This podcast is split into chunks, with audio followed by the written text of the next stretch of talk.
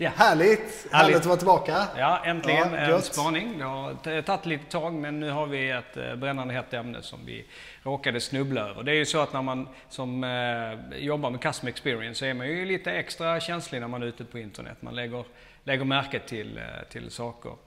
Och eh, varför vi är lite upprörda idag Jan, vad beror det på? Det är vi ju nästan alltid tycker Ja, jag.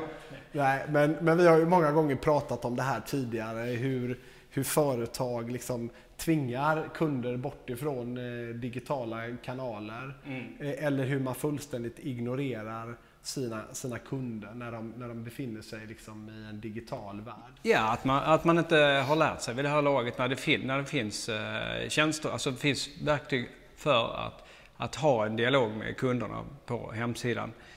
Man lägger ju miljontals kronor på en plattform för att sälja på nätet och sen så disconnectar man helt från eh, besökarna. Jag tror vi pratade om det lite grann tidigare här. Jag tror att vä- väldigt många känner igen sig i bilden av att man har varit på, en, på ett företags webbsida. Man kanske tittat på produkter, man har lagt produkter i en varukorg och så har man lämnat och sen några timmar senare, dagen efter, kanske man fått ett e-mail. Ja. Där det står att eh, kära kund, eh, du har glömde kvar dina varor i varukorgen, vill du komma tillbaka och så vidare. Och för det första så är det så att jag har inte glömt mina varor i varukorgen utan jag har lämnat kvar era varor i eran varukorg. Ja, Eftersom ni struntade i mig.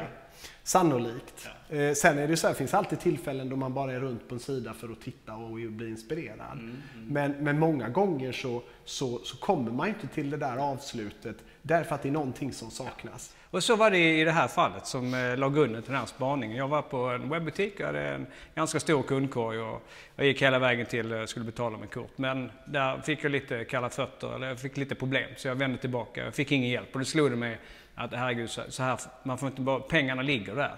Jag är beredd att swipa mitt kort men det var ingen som hjälpte mig. Så att jag genomförde inte det köpet och då började vi fundera lite på vilka, hur det ser ut på olika sajter och olika branscher. Precis. Vi vet att det inte ser bra ut, men liksom, frågan var egentligen hur illa är det? Ja. Och då tittade, vi på, då tittade vi på ett antal branscher. Vi kollade på energibolag, vi tittade på försäkringsbolag, vi tittade på banker och sedan så tittade vi på retail, bland annat då möbel, eh, eller säng, säng, Sängar, ja, sängar och kök. Ganska stora, Precis. stora.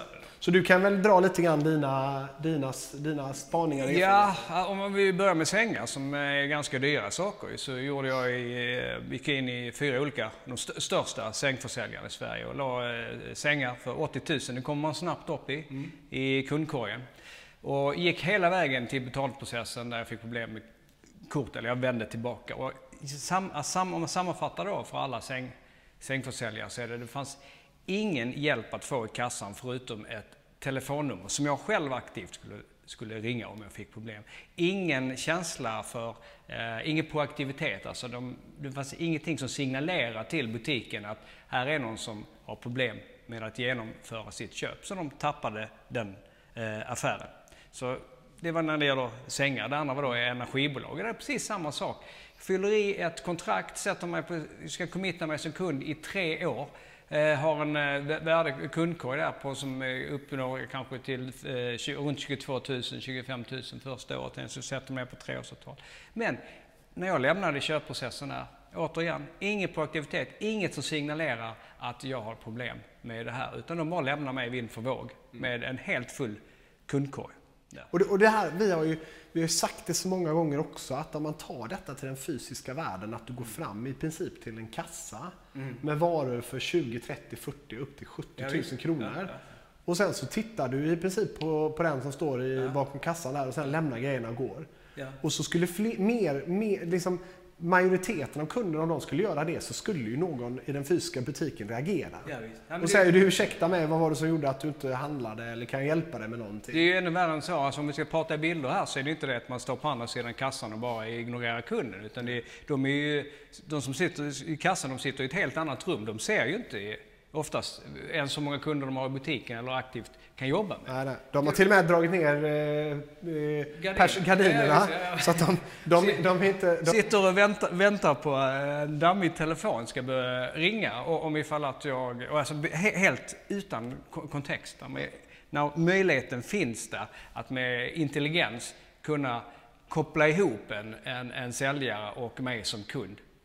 Digitalt. Ja, digitalt ja. Ja, ja, precis. ja det, det, Och de här moderna verktyg idag kan ju analysera vad kunden gör på webben, Mm. i mobilen, vad de försöker göra, vilka processer de är inne i, Mm. vilket beteende som är normalt och vilket beteende som sticker ut.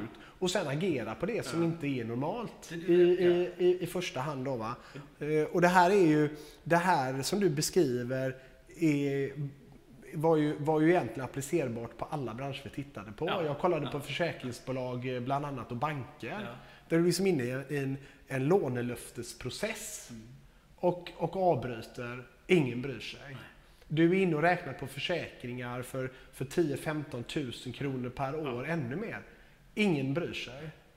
Eh, Och då tänker man så här att okej, är man så naiv så att man tror att bara vi fixar en snygg webbsida så kommer det lösa sig?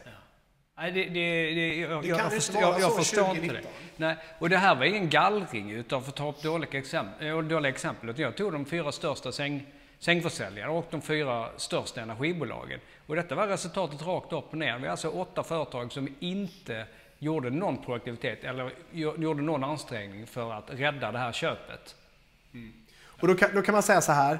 Vi har ju jobbat med, med kunder och sett hur du kan gå från en konverteringsgrad i checkouten eh, från, från 3% till över 20%. Eh, och det visar på att det finns ett behov. Eh, det finns otroligt positiva effekter, inte bara utifrån en försäljning utan också kundnöjdhet. Då.